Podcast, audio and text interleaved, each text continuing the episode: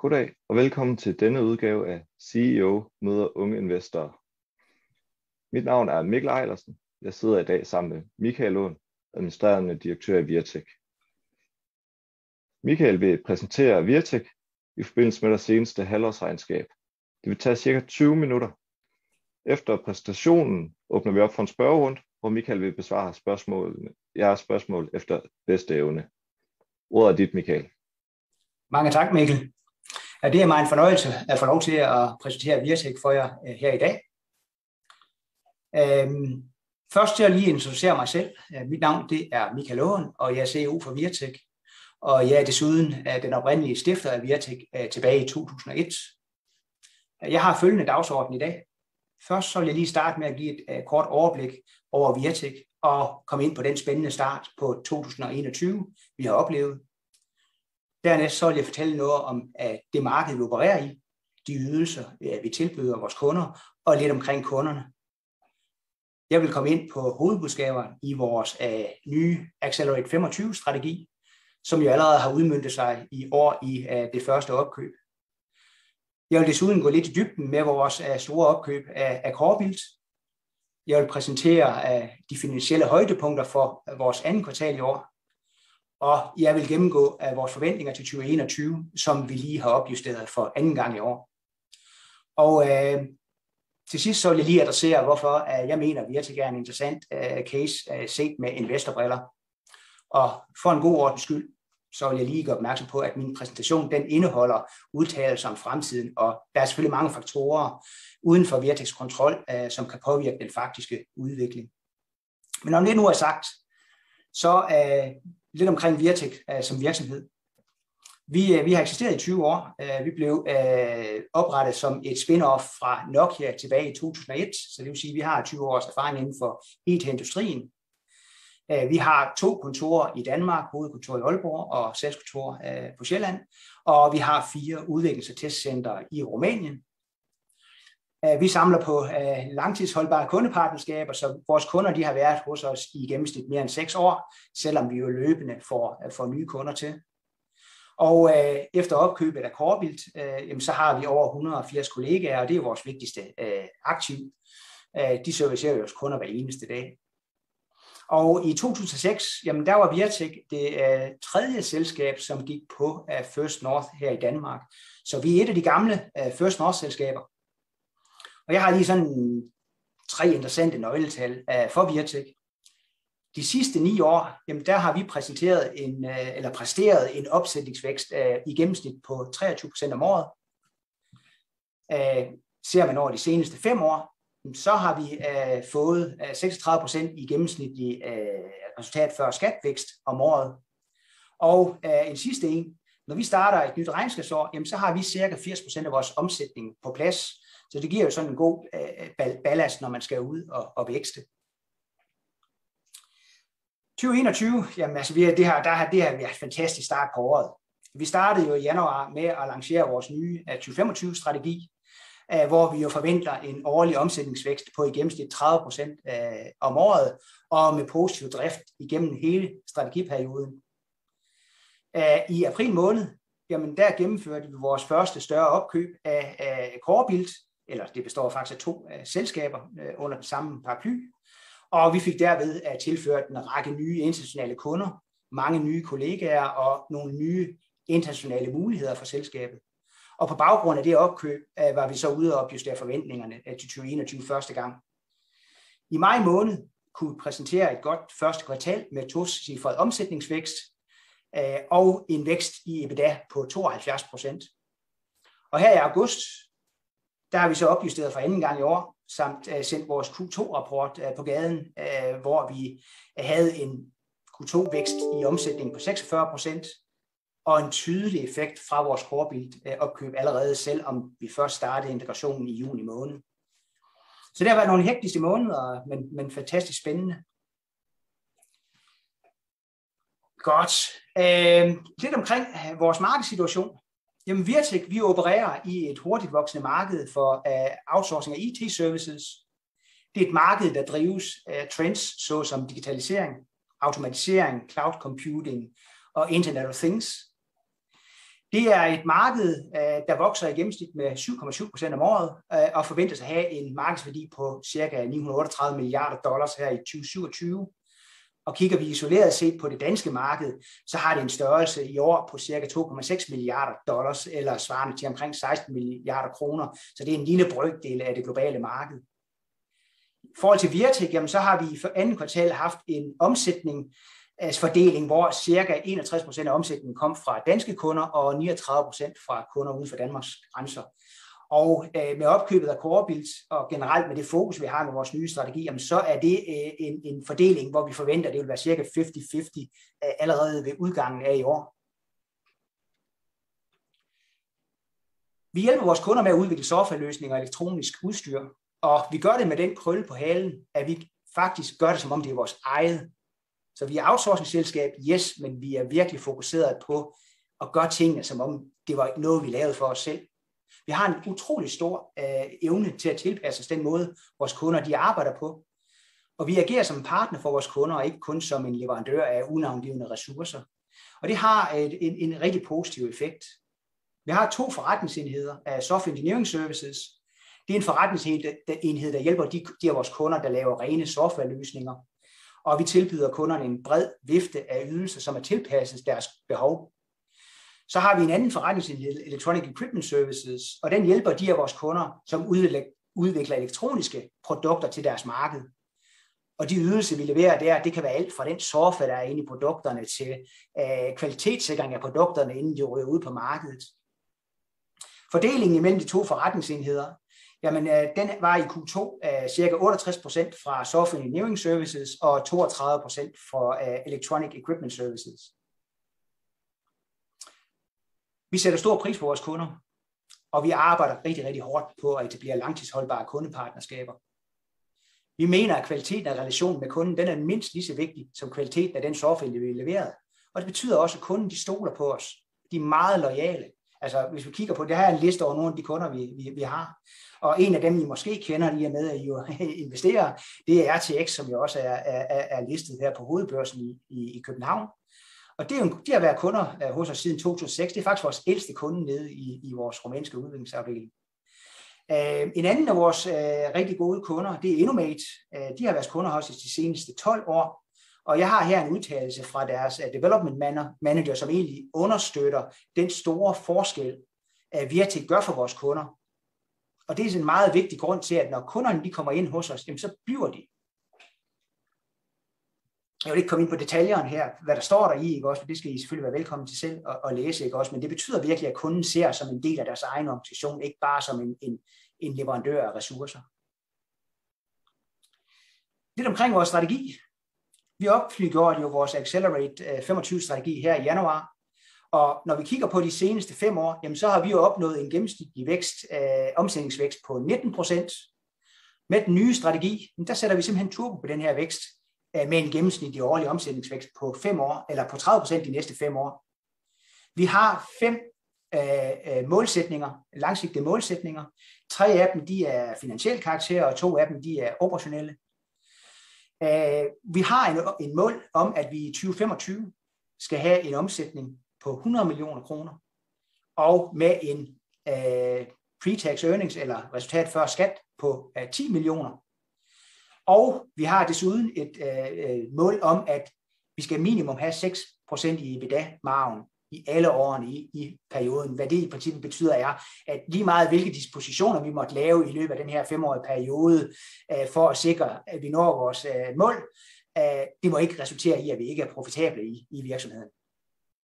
De to operationelle mål, det er jo det, der skal sikre, at vi så også har en langtidsholdbar og skalerbar leveranceorganisation til at understøtte vores vækst. Blandt andet så vil vi gerne øh, øh sikre os, at vi øh, inden 25 har et, mindst en øh, sourcing-lokation uden for Rumæniens grænser, så vi ikke er, u- er afhængige af et enkelt øh, marked, hvor vi leverer vores ydelser fra. Og desuden så er vi meget fokuseret på fastholdelse af medarbejderne, således at vi gerne øh, vil sikre os, at fra, fra 2023, så har vi en retention rate, altså en fastholdelsesrate på, på omkring 90 procent. Det er et meget ambitiøst mål, skal jeg lige sige. Kigger vi lidt på de vækstspor, vi har, som i øvrigt bygger på et, et solidt fundament, jamen så har vi fire uh, strategiske vækstspor. Uh, det første, Accelerated Profitable Growth, Men det er jo her, hvor vi nu sætter uh, turbo på væksten. Vi vil stadigvæk fortsætte med at vækste tocifret uh, organisk i virksomheden. Men samtidig så, så sørger vi så for at løfte væksten ved også at, at gennemføre opkøb i den her strategiperiode. Desuden så vil vi også uh, ud mere internationalt. Og vi har så valgt at fokusere, i hvert fald her i første omgang, geografisk på markeder i det nordvestlige Europa. Det er dermed ikke sagt, at vi ikke vil have andre uh, markeder. Vi har blandt andet selv uh, kunder i USA, og har også tilkøbt os nye kunder i USA. Men vores fokus i forhold til udvikling af markederne, der er vi rigtig fokuseret her i den nordvestlige del af, af Europa. Så er det en skalerbar og, system, øh, og, og, og, og sustainable sourcing capability. Simpelthen, vi skal sørge for, at vi har den kapacitet, der skal til, for at vi kan levere ydelserne til kunderne. Det er både i forhold til de medarbejdere, der er i derinde, de kompetencer, de har, den kultur, der er, den omkostning, der, der er øh, hos øh, de medarbejdere. Desuden så skal vi også gerne kunne tiltrække de rigtige medarbejdere, vi skal også gerne kunne fastholde dem, og det betyder også, at vi skal være meget fokuseret på at blive en arbejdsplads, der er best in class, hvor medarbejderne virkelig har lyst til at komme og arbejde og blive. Så den første meget konkrete udmyndelse af vores nye strategi øh, kom jo meget kort tid efter, at vi jo reelt lancerede strategien, og det er jo, at øh, vi øh, lavede opkøb af, af Corbilt her i april måned. Hvad var main criteria egentlig for at lave det her opkøb? Jamen for det første, en rigtig, rigtig vigtig ting for os, når vi laver et opkøb, det er, at kulturen skal være på plads. Der må ikke være alt for store kulturforskelle mellem Virtek og det, den eller de virksomheder, vi opkøber, fordi det er et af de største risici ved at lave sådan et, et, et opkøb, det er, hvis kulturen ikke matcher. Så vi brugte rigtig mange kræfter i starten øh, af, af forhandlingerne med, med, med Corebuild, øh, simpelthen for at sikre os, at kulturen var på plads, inden vi gik ind i nogen som helst realitetsforhandlinger omkring øh, detaljerne i, i opkøbet. Vi har også valgt at gennemføre opkøbet, fordi vi faktisk får nogle rigtig gode kunder i nogle øh, markeder, som er interessante for os. Øh, vi får blandt andet en del kunder i Holland, og vi får kunder i Tyskland, i USA, øh, hvor vi i forvejen har, har nogle kunder, og i Rumænien. Og så får vi også adgang til øh, øh, nogle leverancemuligheder med et nyt setup med en masse nye kollegaer. Så nogle rigtig, rigtig interessante øh, ting for os, der gjorde, at, at det her det var, det var meget, meget øh, attraktivt for os.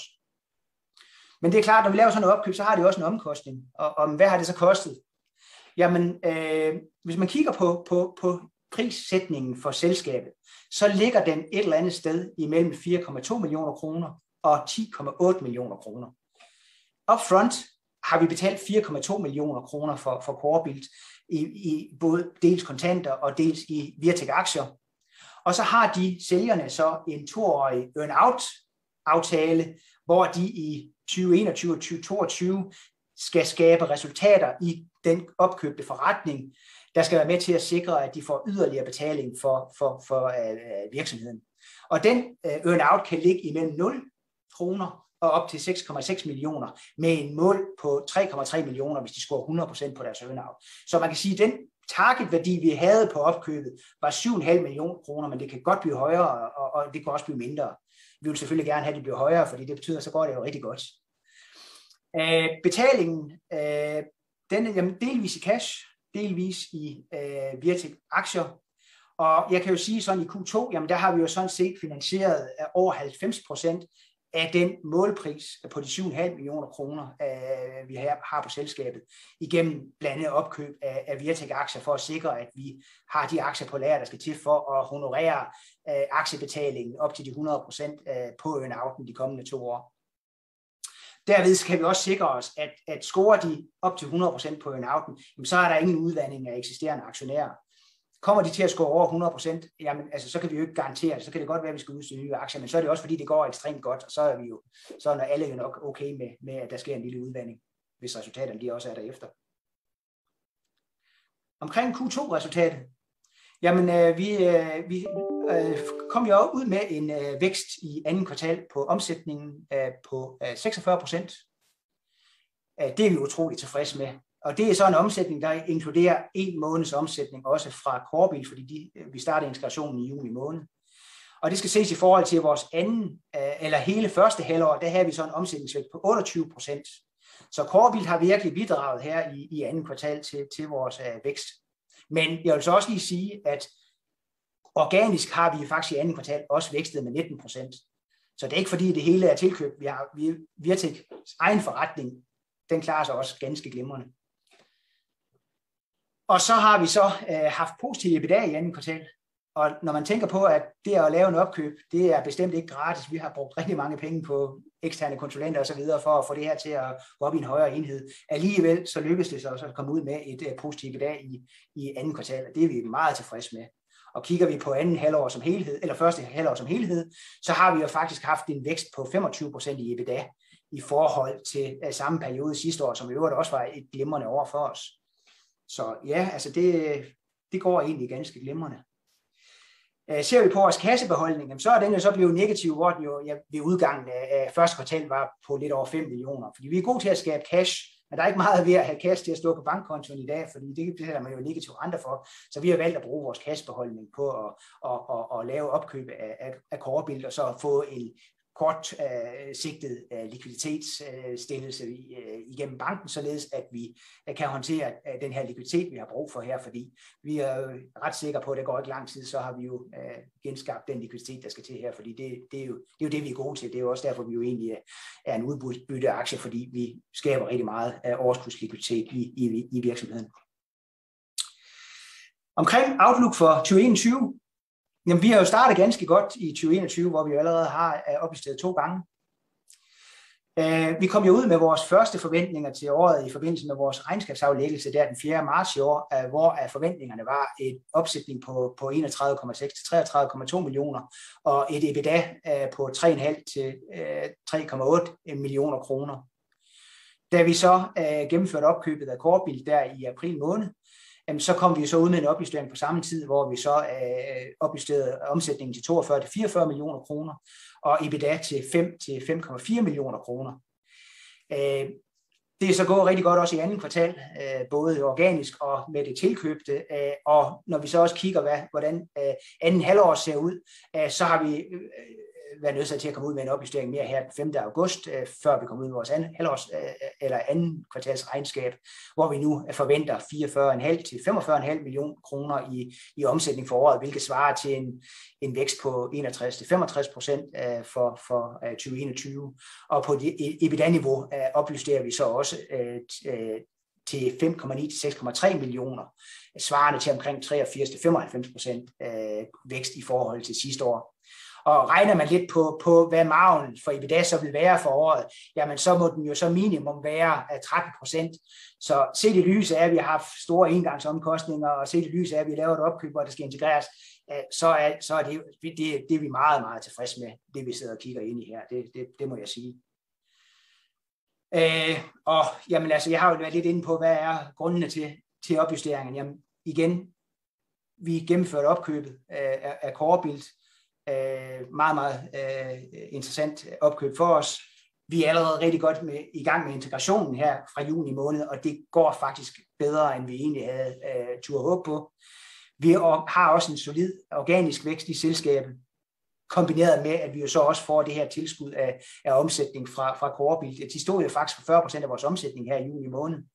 Øh, så, så det er altså en, en virksomhed, vi har købt, som, som, som har en ganske rigtig, rigtig god øh, omsætning.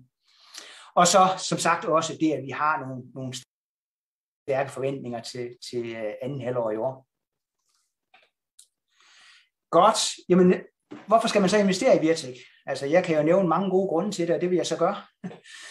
øhm, vi har bevist over tid, at øh, jamen, vi er evner at vækste profitabelt. Og det er jo ganske vigtigt for et vækstselskab.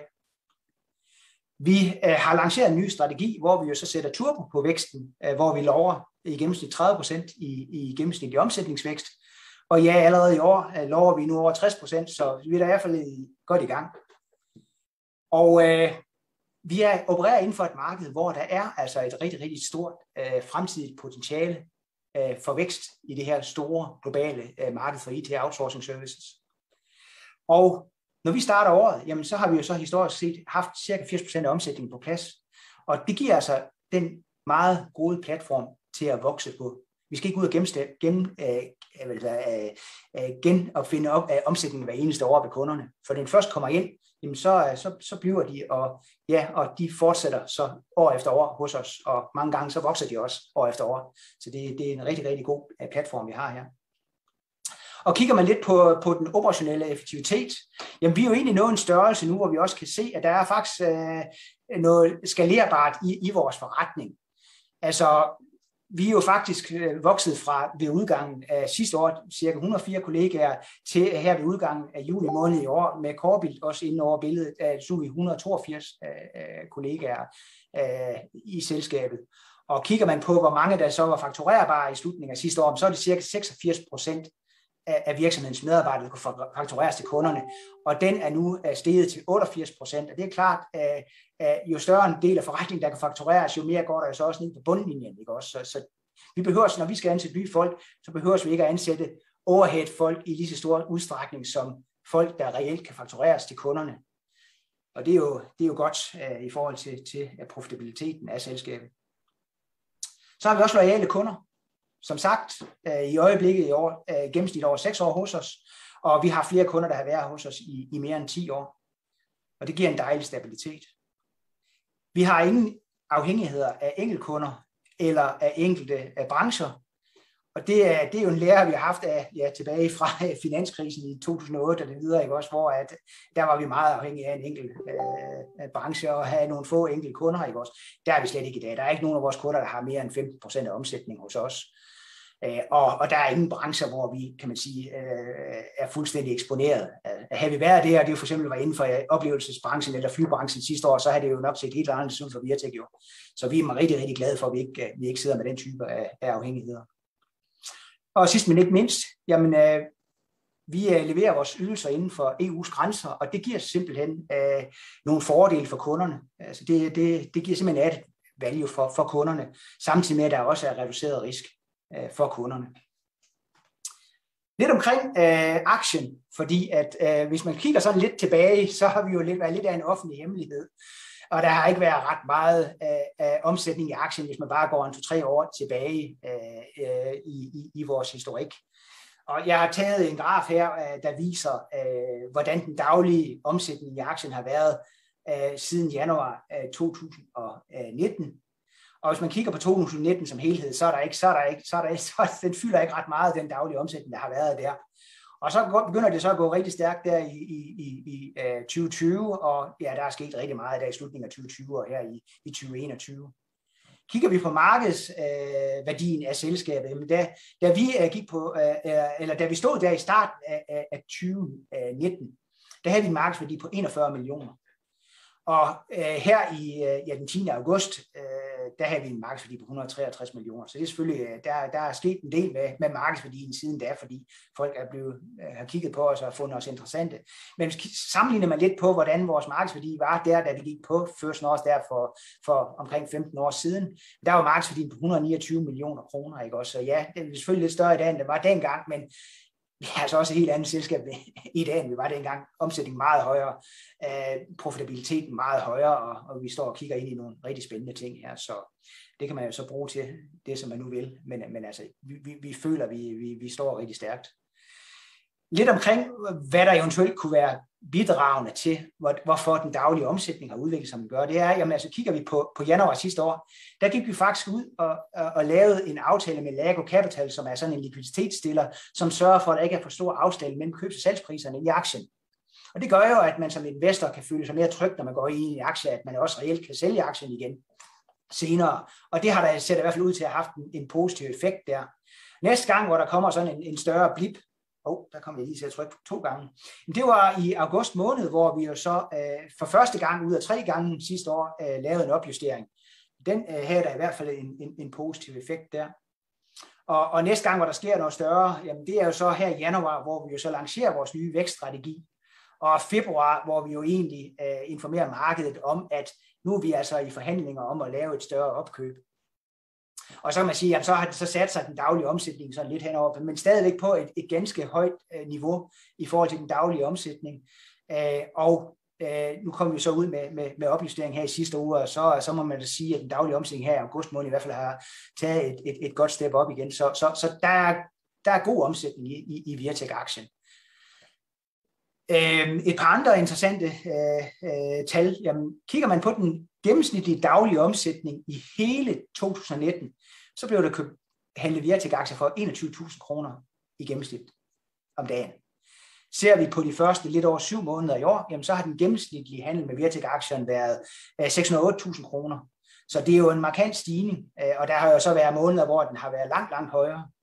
Så men det går i hvert fald den rigtige vej, og vi er jo også meget fokuseret netop på investorpleje for at sørge for, at flere lærer omkring Virtek og, og de muligheder, der er der. Og øh, kigger vi på den totale omsætning i Virtex aktier indtil videre i år, jamen så her per den 10. Jamen så har der været omsat Virtex aktier i år for 91 millioner kroner. Øh, og i forhold til hele sidste år blev der omsat Virtex aktier for 43 øh, millioner kroner, så vi er jo faktisk allerede over en fordobling af omsætningen i Virtek-aktien i år i forhold til hele sidste år. Så, så der sker altså virkelig noget i forhold til, til aktien, så, så, så jeg tror, at den er nok mindre risikabel at gå ind i i dag, end den, den var for bare et eller for helt, med helt sikkerhed for, for et par år siden.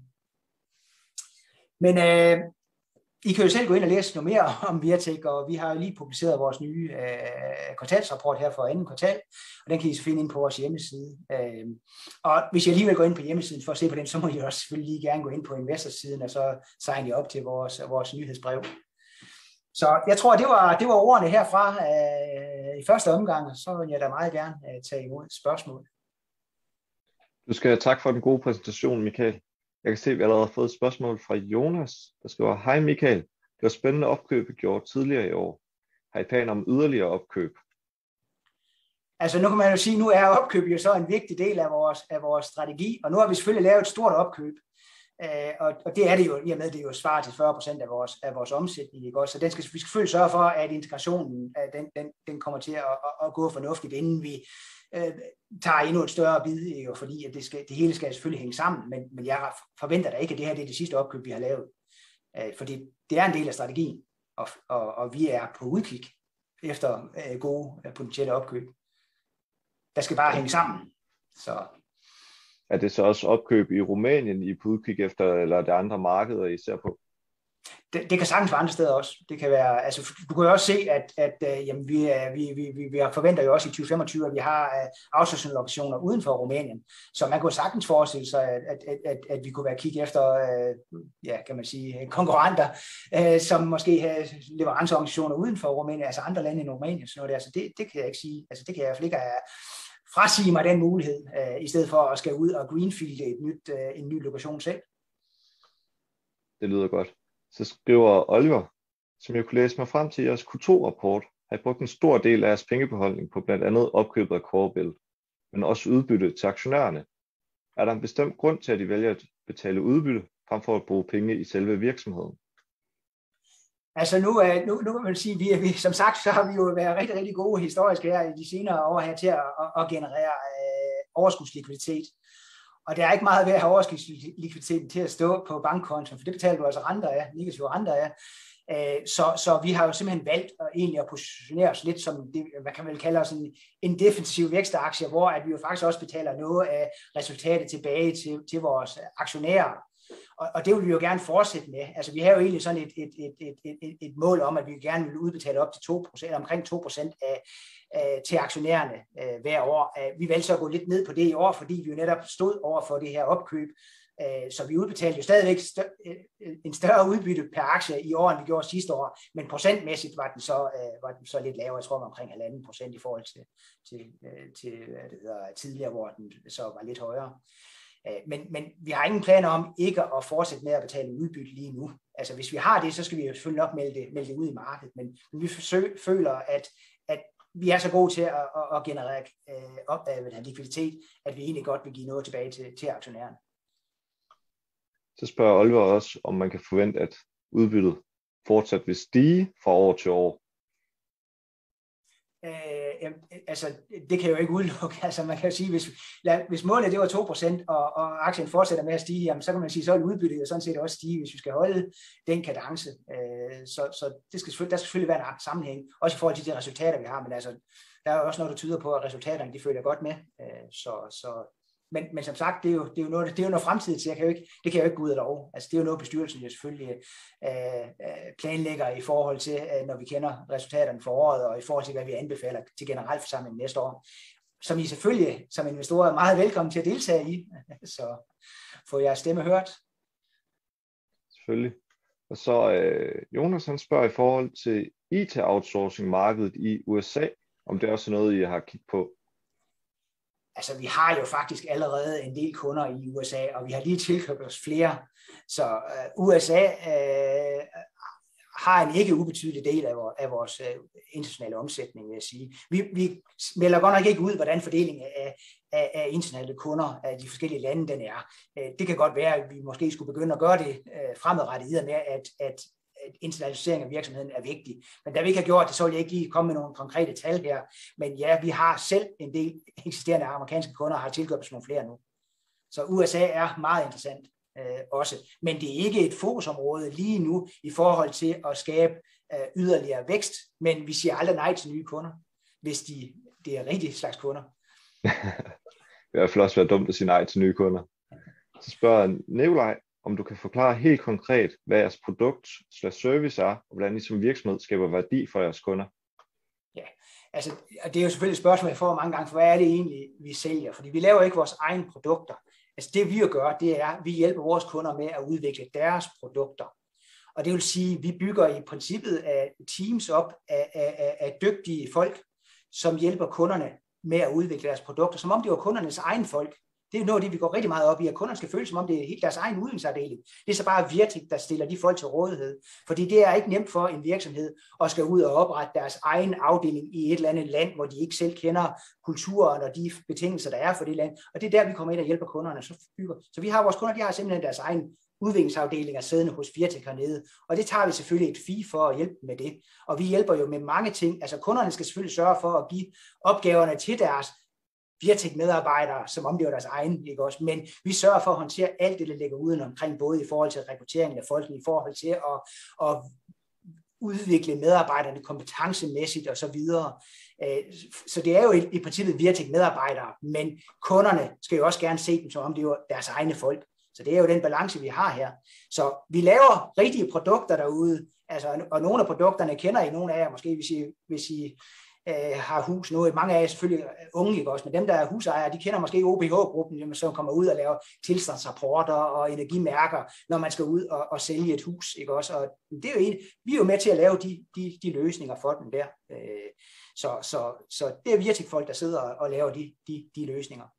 Det er ikke vores egne produkter, det er kundernes produkter, men vi hjælper dem med at lave dem, og vi er for mange af vores kunder en utrolig vigtig strategisk brik i deres udviklingsafdeling.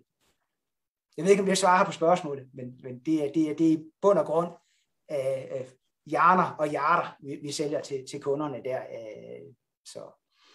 Jeg tænker, jeg giver en fin forståelse for, hvad I laver. Er det så muligt nu, når I vækster så meget uden for øh, det danske marked, at fortsætte med samme kunderelation, nu når I er et dansk større selskab? Altså man kan jo sige, at hvis du kigger på vores Q1-rapport, øh, så har vi jo stadigvæk over 30 procent af vores omsætning fra kunder uden for Danmarks grænser øh, inden øh, vi lavede Corbilt opkøbet. Så vi er jo vant til at arbejde med udenlandske kunder, og nogle af dem meget store kunder. Ikke også? Så, så vi har jo allerede hele det procesapparat på, på plads i forhold til at arbejde med, med internationale kunder. Og Corbilt altså set med vores øjne, det er jo en af internationale kunder, undtagen de, de få kunder, de også har nede i Rumænien. Ikke også? Så, så de har jo også hele procesapparatet på plads i forhold til at arbejde med, med internationale kunder der. Så, så, så den integration og få det til at køre, det, det, det kører rigtig gnidningsløst. Det er godt at høre. Så Oliver, han skriver, mere eller mindre hele Corbilt-opkøbet blev klaret af jeres pengebeholdning. Jeg forventer, at der kommer signifikante positive pengestrømme de næste par måneder. Er jeres altid at have en signifikant beholdning, som tillader at kunne opkøbe kontant, også selvom der følger negative renter med, som du selv nævner? Altså, øh, øh, vi vil selvfølgelig så vidt muligt undgå at skal udvande eksisterende aktionærer, fordi man siger alternativt mange gange, altså ofte når man laver sådan et opkøb, og man er børsnoteret selskab, så består betalingen jo ofte af noget kontanter sammenholdt med nogle aktier. Fordi det er jo et af de instrumenter, man jo netop har som, som børsnoteret selskab. Øh, vi vil selvfølgelig gerne, så vidt muligt, kunne uh, lade være med at udvande øh, eksisterende aktionærer så meget, når vi laver sådan noget opkøb der. Ikke? Også, derfor har vi også i Korbil den her gang valgt at opkøbe uh, hvad det hedder, egne aktier lagt på lager, så vi, kan, så vi kan håndtere den den vej igennem. Og det kræver selvfølgelig også nogle kontanter at gøre det fra selskabets side.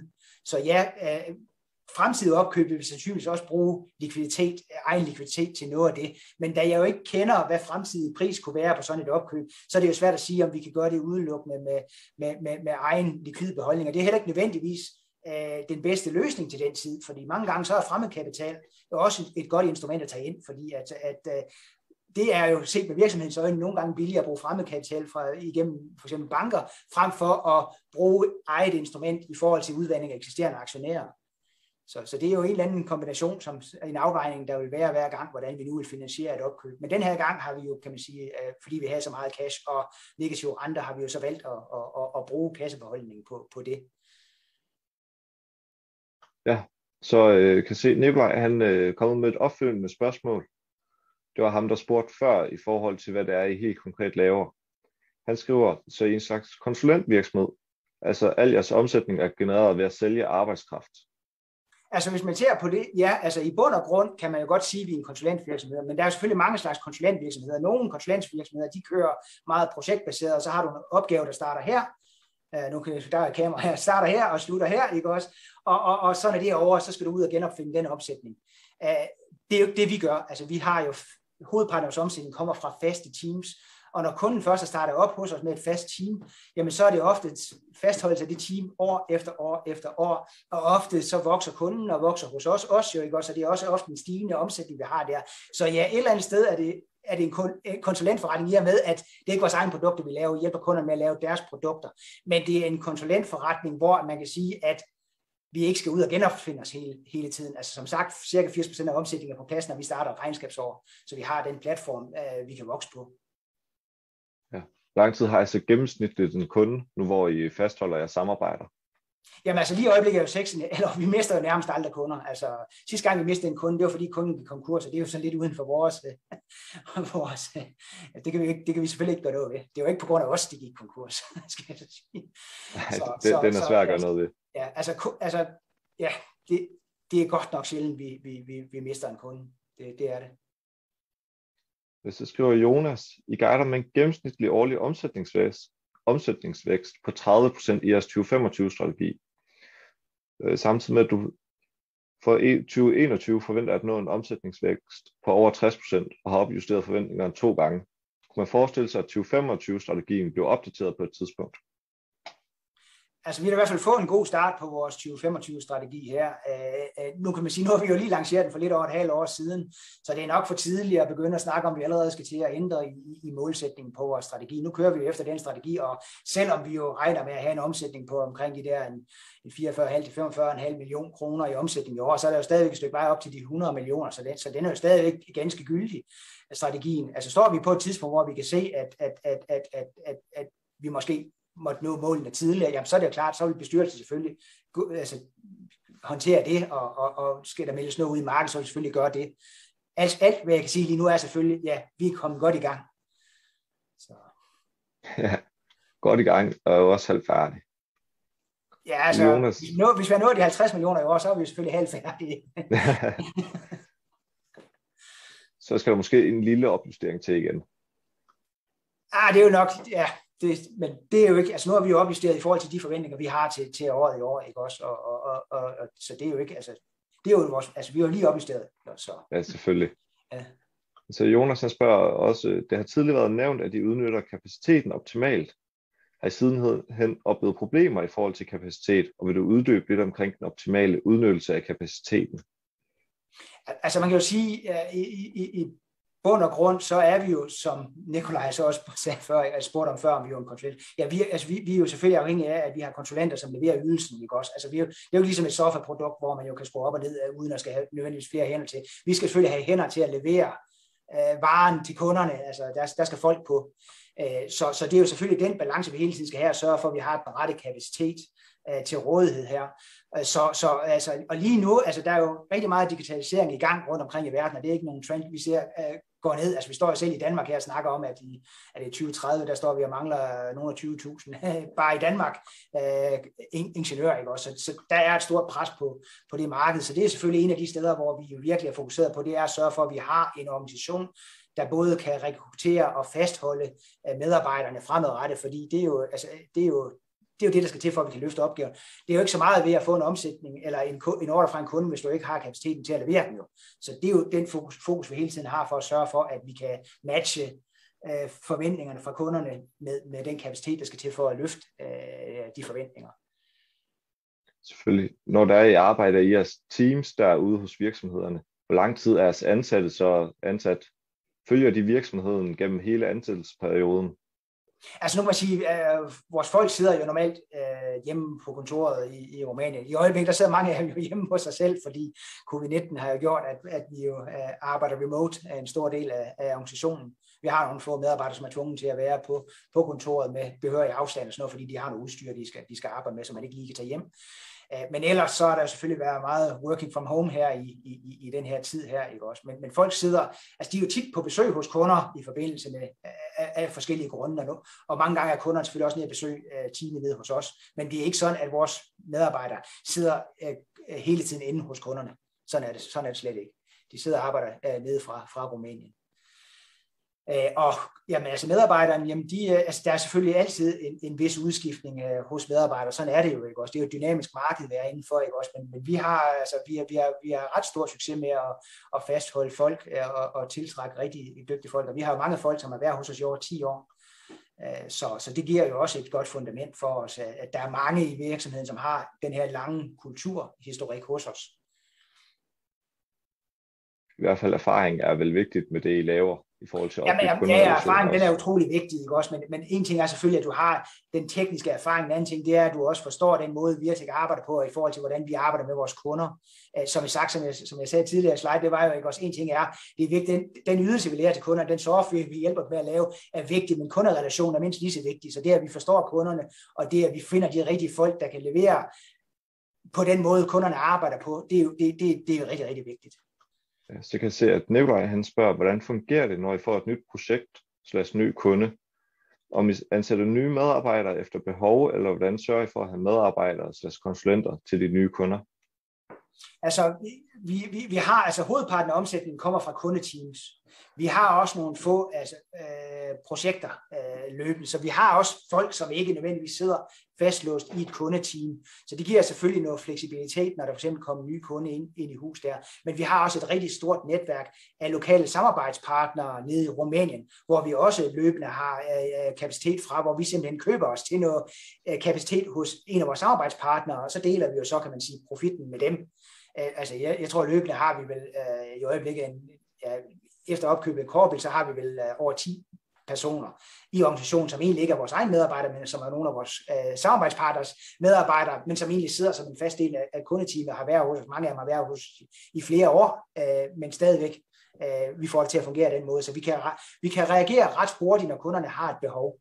Men, men det er selvfølgelig klart, at mange gange skal vi jo ud og rekruttere i markedet til nogle specifikke øh, roller til kunderne. Men har vi mulighed for at starte et team op ved en kunde, hvor vi bruger noget eksisterende øh, kapacitet, så vil vi også meget gerne det, fordi så har vi i hvert fald øh, personer på plads i sådan et team, der forstår virkelig, kender Virtek, øh, og vi kender dem. Selvfølgelig. Så øh, Oliver, han spørger ind til jeres øh, fordeling øh, her. Han skriver, jeres Accelerate 25-plan nævner I, at en større international omsætning skal med at realisere målet. Hvad forventer I, at fordelingen hedder i 2025, nu hvor den hedder cirka 50-50 i slut 2021? Altså, ja, altså det er jo, det er jo rent gætværk, ikke også? Men altså, nu kan man jo se, at, at, at allerede ved årets udgang i år forventer vi jo, at den hedder 50-50. Øh, og, og jamen, jeg tror også, næste år kommer vi da nok over de 50 procent, fordi der kan man jo sige, at næste år har vi jo så et helt års omsætning for Korbilt, hvor i år der har vi jo så kun syv måneders omsætning fra dem, ikke også? Og da det er jo, at den omsætning, vi har fra Korbilt, den er jo alt sammen international i forhold set med danske øjne, så vil den procentsats alt andet lige jo stige øh, også næste år. Så, og, og da det internationale marked jo er, er enormt marked, og det er et område, vi har fokus på, jamen så kan man jo sagtens forestille sig, at, at, at, at, at, at dansk omsætning i 2025 var, var noget mindre procentdel, end den, end den er i dag, eller forventelig ved, ved årets udgang. men, men det er jo rent gætværk. Altså, det, det kan jeg jo ikke sige med sikkerhed. Nej, det er også svært at spå noget som helst om. Ja. Men øh, ellers tror jeg, vi er ved ved vejs ende, medmindre der er nogen, der har spørgsmål til på falderæbet her. Vi giver dem lige lidt tid til at skrive, hvis der er. Nikolaj han skriver, hvorfor det er en fordel for jeres kunder at gøre brug af jeres medarbejdere, frem for at finde egne medarbejdere, hvor du nævner, at jeres medarbejdere alligevel arbejder ved kunderne i mange år. Æh, jamen, vi kan tage et eksempel. Altså, er du en, en virksomhed, som skal bruge et team på fem eller ti mand, øh, som du skal have bygget op, det overhead, der er i at bygge sådan et team op selv, øh, og fastholde de folk, fordi du skal huske på, folk de lever jo ikke i et vakuum, når de sidder i sådan et team, så hvis det er de eneste kolleger, du har, de er de 5-10 mand, du har brug for der, og skal fastholde sådan et team, skal have ledelse bygget op omkring det dernede lokalt, for du kan ikke have folk siddende i et vakuum uden en lokal ledelse osv., så bliver det lynhurtigt øh, meget kompliceret øh, og, og skal have op og køre, og fastholde folk, som ikke har andre kollegaer end lige den lille gruppe der, kan også være rigtig, rigtig svært.